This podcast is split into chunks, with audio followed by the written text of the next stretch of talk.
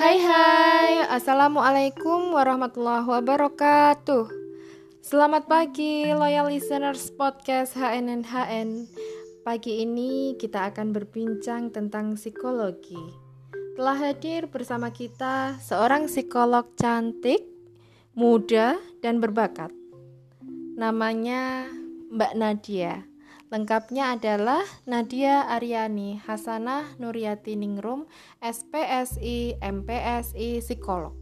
Wah, panjang banget ya titelnya.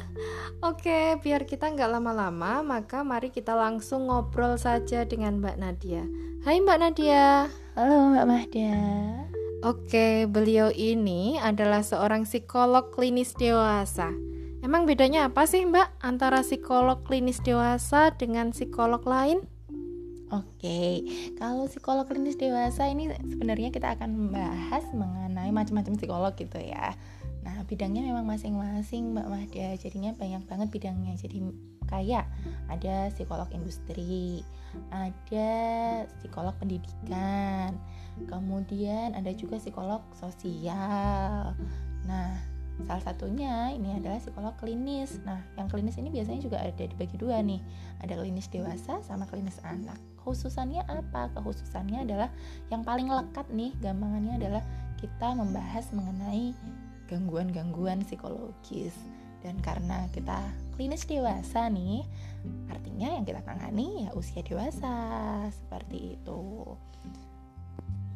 Baik, artinya objek garapan dari Mbak Nadia itu adalah gangguan-gangguan psikis yang dialami oleh orang dewasa, gitu ya Mbak?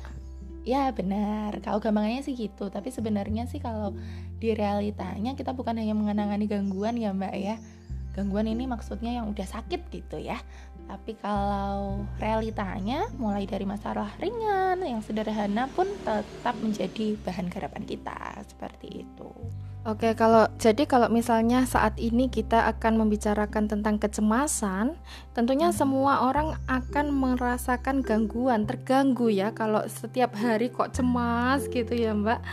Gitu kan ya? Oke, artinya kalau begitu kalau begitu, artinya kita sudah bersama dengan orang yang tepat untuk bicara mengenai kecemasan. Loyal listeners pasti sering banget ya dengar kata cemas, tapi apa sih cemas itu?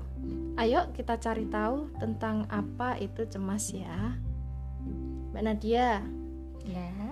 Kayak situasi kita saat ini nih yang lagi menghadapi pandemi COVID-19, orang-orang banyak yang cemas, khawatir, takut kalau-kalau mereka kena COVID itu. Ya enggak sih? Benar, benar, benar. Perkembangan COVID yang diupdate tiap harinya itu sebagaimana yang kita ketahui, sampai saat ini kan belum menunjukkan grafik penurunan yang signifikan. Sehingga mungkin akan membuat sebagian masyarakat nggak tenang nih kalau pas lagi bersin misalnya wah jangan-jangan aku kena covid nih tiba-tiba yeah. badan lemas wah jangan-jangan covid juga nih kayak gini namanya cemas nggak sih mbak? Oke, okay. benar banget mbak ya. Jadi kayak jangan-jangan nih, jangan-jangan itu lah. Itu memang ciri-ciri orang cemas sih sebenarnya. Nah kalau ditilik lagi apa sih kecemasan nanti kita bisa bicarain itu bareng-bareng ya di sini. Oke, kalau gitu saya langsung aja nih nanya ke Mbak Nadia, cemas itu apa sih Mbak? Tolong dong dikasih definisinya. Oke, definisinya apa sih kecemasan itu? Kecemasan pastinya itu adalah merupakan emosi ya. Emosi yang dikatakan di sini bukan berarti marah, bukan. Tapi emosi itu adalah bentuk perasaan. Nah, artinya hmm, kita bicara tentang domain perasaan nih. Nah, kecemasan itu adalah emosi yang bercirikan perasaan ketakutan atas apa yang akan terjadi dan ada gejala ketegangan fisik.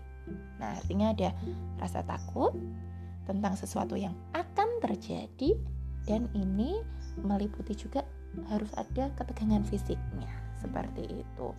Kenapa kok sampai bisa ada ketegangan fisik ini tadi, perasaan emosi yang seperti itu kok muncul kenapa? Karena individu ini merasa bahwa akan ada bahaya nih ke depannya, seperti itu. atau suatu ancaman nih seperti itu makanya ini lah yang dikatakan sebagai kecemasan begitu Mbak Mahda Oke, jadi uh, batasannya adalah perasaan takut atas apa yang akan terjadi, terus harus juga sampai muncul ketegangan fisik gitu ya. Jadi kalau belum sampai uh, muncul ketegangan fisik itu artinya kita belum sampai pada kategori cemas gitu ya mbak ya. Jadi ketegangan fisik misalnya nih jantungku tiba-tiba berdebar kencang gitu hmm. itu namanya udah tegang fisiknya bukan mbak? Betul betul. Okay. kalau udah ada deg-degan itu sudah termasuk gejala fisik dari kecemasan. Bulu roma berdiri semua. Itu bulu juga iya berdiri kan takut nih takut. Aduh jangan-jangan orang itu itu merinding ya kayak gitu ya jadi boleh dong dikasih tahu uh, tegang secara fisik itu kalau dalam hal ini seperti apa contohnya Oke, kalau secara fisik itu apa sih? Kalau secara fisik itu banyak banget sih sebenarnya. Misal, mulai dari kepala nih. Kepala itu misal kok tiba-tiba jadi pening nih kepala, nyut-nyutan. Nah, kemudian agak turun sedikit matanya itu biasanya penglihatannya jadi kabur itu Waduh. bisa loh nah, kemudian turun sedikit lagi di area uh, mulut mulut, mulut kenapa jadi kering kayak gitu. oh, gitu iya, iya, coba iya, bayangin iya. kalau kayak kalau kita mau presentasi mm -hmm. atau mau ujian ya. nah tiba-tiba yang mau apa disampaikan nggak keluar semua tuh bibirnya kering semua nah itu juga cemas tanda-tanda ya, kecemasan cemas ya. betul oke okay. Baik. Oke Oke oke. Jadi akhirnya saya juga baru paham nih kalau ini adalah tanda eh, tanda-tanda cemas itu seperti itu ada kepala pusing, mulut kering, jantung jantung berdetak lebih kencang, mungkin perut mules kemudian gemetar, berkeringat, tiba-tiba kemudian pengen pup atau buang air kecil itu juga iya ya tanda ketegangan fisik. Benar benar benar benar sekali. Itu tadi kan kita baru bicara di area kepala ya mbak ya. Hmm. belum sampai turun ke bawah. Nah oh. kalau turun ke bawahnya betul. Jadi nafasnya jadi nggak teratur kemudian perutnya jadi mules gemeteran tuh tangannya kakinya sampai berdiri aja susah gitu ya misal kemudian keringetan kemudian memang frekuensi untuk buang air yang meningkat. Jadinya tiba-tiba udah jatahnya mau masuk kelas nih dari tadi setengah jam sebelum masuk kelas itu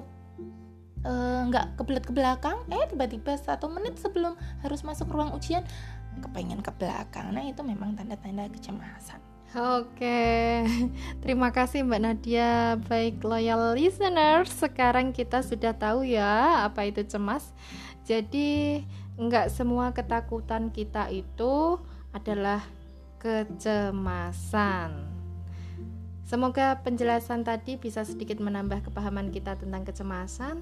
Terima kasih Mbak Nadia, penjelasannya luar biasa sekali. Next time kita ngobrol lagi ya. Oke, okay, Mbak Mahda, sama-sama. Saya Mahda pamit undur diri. Sampai ketemu lagi di episode berikutnya. Khairun nas anfa'uhum linnas. Wassalamualaikum warahmatullahi wabarakatuh.